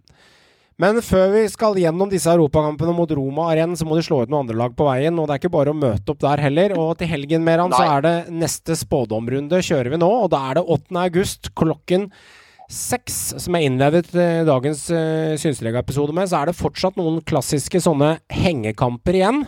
eh, for en god del lag, før det er full runde om 14 dagers tid. Så det er litt ferie og kos og ja, slikke sol og styre på for spillerne de neste 14 dagene, men noen skal i ilden til helga. Og Håvard, du har fått tildelt eh, to matcher til helga eh, denne gangen. Så fikk du to kamper, Håvard, og det er Mjøndalen-Tromsø og Molde-Haugesund. Grunnen til at du får to kamper nå, er for at du skal gå opp i opp med antall kamper versus antall deltakere i eh, spådommen her nå. Eh, Jeg kan eh, si en ting, at siste sist runde så var det kun undertegnede Johan som klarte å få poeng. Ett poeng forrige gang, det var at Lillestrøm vant kampen sin. Jeg tippa ikke riktig resultat, men jeg tippa riktig seierherre. Men jeg fikk kun ett poeng, så vi har ikke vært sånn supersterke på å tippe resultater eller seierherre, men vi kan vel kanskje snu på det nå. Så Håvard, du kan starte med Mjøndalen-Tromsø. Mjøndalen-Tromsø, ja, det er jo en eh, ekstremt viktig kamp for begge lag. Mm. Og der eh, lukter det Der lukter det uavgjort. Der lukter det lite mål. Ja, Husk på 45 Men jeg, av alle kampene ender jo 1-1. Ja, jeg sier 2-2, jeg. Du sier 2-2, ja. Da kjører vi 2-2. Og så har du fått eh, Molde-Haugesund. Molde-Haugesund. Kanskje Søder og Samuelsen eh, debuterer. Eh, De er jo, så vidt jeg vet, klare til den kampen begge to. Eh, Men jeg tror nok at de tre poengene blir igjen i Rosenes by. Og jeg tror Molde vinner 3-1. 3-1 til Molde. Joakim. Ja. Sandefjord. Jeg har fått ja, de to laga som er i skikkelig flyt. Sandefjord-Lillestrøm, ja. Det er jo ti kamper siden Lillestrøm gikk på et tap, da. Og Sandefjord de, eh, Ja. de legger seg ikke ned for hvem som helst. Nei, altså poenget er at Med en gang så tenkte jeg automatisk så tenkte jeg at dette er, er, det høres ut som en uh, Dalum-kamp. Å ja. Toto Dalum. Men Ja. en Toto der. Men så Sandefjord spiller jo egentlig ikke uavgjort. Nei. Altså De har gjort det én gang, men de spiller jo ikke uavgjort. De taper eller vinner. Ja. Og Lillestrøm eh, har heller ikke spilt De har vel et par, de har et par ekstra. ja. De har et par, men de spiller heller ikke ofte uavgjort. Mm. Og jeg, jeg er litt så Jeg tror Jeg tror faktisk at uh, Jeg tror Lillestrøm tar den, altså. Jeg tror eh, Jeg har, har lyst til å si Totto, Ja. men jeg har, liten, har litt tro på at Lillestrøm tar den. Jeg tror Lillestrøm faktisk slår Sandefjord på bortebane. Da blir det. Eh, Jeg tror det er god flytt. Jeg tror det blir eh, Jeg tror det blir 2-1 til LSK. 1-2 borteseier. Mm. Riktig. Og Viking eh, Kristiansund, Meran. Yes. Det blir um, I start- i stad så tenkte jeg fy faen, det der blir en eh, jævla målfattig kamp. Det er lenge siden vi har hatt Berisha-show nå med to-tre skåringer og noen Ja, par straffespark og noen filminger Ja, og noe styr. Jeg, tror ikke det, jeg, tror, jeg tror ikke det kommer nå. Jeg tror ikke Nei. det kommer mot KBK. Jeg tror det blir en forsvarskamp. Men jeg tror ikke det blir 0-0 heller. Jeg har lyst til å si 0-0, men jeg sier 1-1. Jeg tror de skårer et mål hver seg. Bombe. Går ikke en runde her uten at noen tipper 1-1. 1-1, ja. Greit. Ja, Ja. jeg sier 1-1. Ja, ja, ja. Greit. Mjøndalen-Tromsø 2-2. Molde-Haugesund 3-1. Sandefjord LSK 1-2. Viking Kristiansund 1-1. Og da står vi igjen med Stabæk-Sarpsborg, som er min kamp. Og jeg hadde tenkt å si 1-1. Eh, Så tenkte jeg at det er så typisk å gjøre det. også- for det er sånn klassisk, begge laga er liksom blodflate framover, og Sarpsborg er gjerrig. Men det er et eller annet med det Sarpsborg-laget som jeg tror de har fått litt kamper i beina. Jeg tror de er litt slitne nå. Jeg tror Stabæk er litt eh, på. Så jeg tipper 2-1 hjemme til Stabæk. Det er typisk nå at Stabæk får den lille seieren eh, og får et lite sånn hestehode foran de andre i bånn, så jeg tror hjemmeseier til Stabæk, faktisk. 2-1. Men som scorer alt det styret der, det skiter jeg litt i, men jeg tror de vinner 2-1 den matchen. Så men Det er viktige kamper, dette her, Håvard. De kampene som står igjen nå. For at eh, du kan se disse kampene de har som hengekamper nå. Eh, det er det siste halmstrået de har før vi er så å si like langt med antall kamper i ligaen. Altså de juksekampene, som jeg kaller det. da. Eh, og det er, eh, det er viktig å ta de poenga, fordi det kommer lag stadig vekk bakfra her. Ekstremt viktig. Eh, som du sier, da står alle på mange måter likt før høstsesongen og stiller på mange måter med liksom blanke ark. Og eh, det blir jo ekstremt viktig da, for de lagene i bunnen, eh, bunnen særlig nå, å, å få en trepoenger for å kunne puste litt. Så det blir, eh, det blir spennende oppgjør. Veldig. Vet du, eh, Kjære lytter, jeg vil gjerne takke dere for som lytter til Synseligaen uke inn og uke ut. Får mange hyggelige tilbakemeldinger av dere. Og vi holder jo koken, vi, hver mandag når vi har mulighet til det. Selv om vi er eh, på ferie som jeg er nå, eller Håvard var på ferie for en uke siden på fisketur, eller Joakim er av gårde på hytta, eller Meran er av gårde og fisker, så prøver vi å holde fortet oppe. Vi tar ikke ferie, vi er her for dere, og vi er også for at eh, vi fire gutta liker å prate fotball sammen. Har du noen andre som kunne tenkt deg å ha hørt eh, på Synseligaen av venner, elskerinner, kompiser eller eh, nabogutt, så er det bare å smelle en SMS der jeg må si laste ned Synseligaen fra iTunes eller Spotify. Det hadde vært hyggelig å få enda flere lyttere. En liten tilbakemelding. Det er flere av lytterne som har spurt om det, og det er angående lyttertall, så er de i stigende kurve. Visste dere det, Joakim, at forrige uke så hadde vi 19% flere lyttere enn uka før? Og det er litt uh, hyggelig å se. Oi, oi, oi, vi kommer oss mot toppen. Og 19% er mye, for det pleier å være utslag på en 2-3 fra eller til eh, den ene veien. Eh, for det er ganske jevne tall. Men jeg må si at eh, det er hyggelig hvis dere lyttere erverver noen nye eh, Synseliga-fans eh, som eh, lytter til oss. Det hadde vært helt topp. Og det kan hende noe med at andre podder har tatt pause, og vi holder koken. Men da får vi betalt lyttertall, og det er koselig. Takk til, til, takk til Eurosport for bruk av lydklipp i denne episoden. Og gå inn på Dplay eller Discovery Pluss for å få tilgang til hele Eliteserien der hvor du er. Få med deg kampene. Håper du får noen solfulle dager der hvor du er. Kos deg masse. Hei så lenge. Men det er jo ikke sånn at bohemen etter Vålerenga på 60-tallet At vi kan spille med de på 2000 i 2020. Det det er toppidrett i dag. Fucking joke, den der jævla måla vi slipper inn. Det er, det er piss. Vi har vært bunnsolide i, i hele oppkjøringa. Nå har vi sluppet inn ja, fire-fem pissemål. Det er jævla kjedelig å trene, så det er mye bedre å bare ligge og sole seg og så spille kamper. Så det her er perfekt. Our wanted to wish you happy birthday, but it was already going, go away.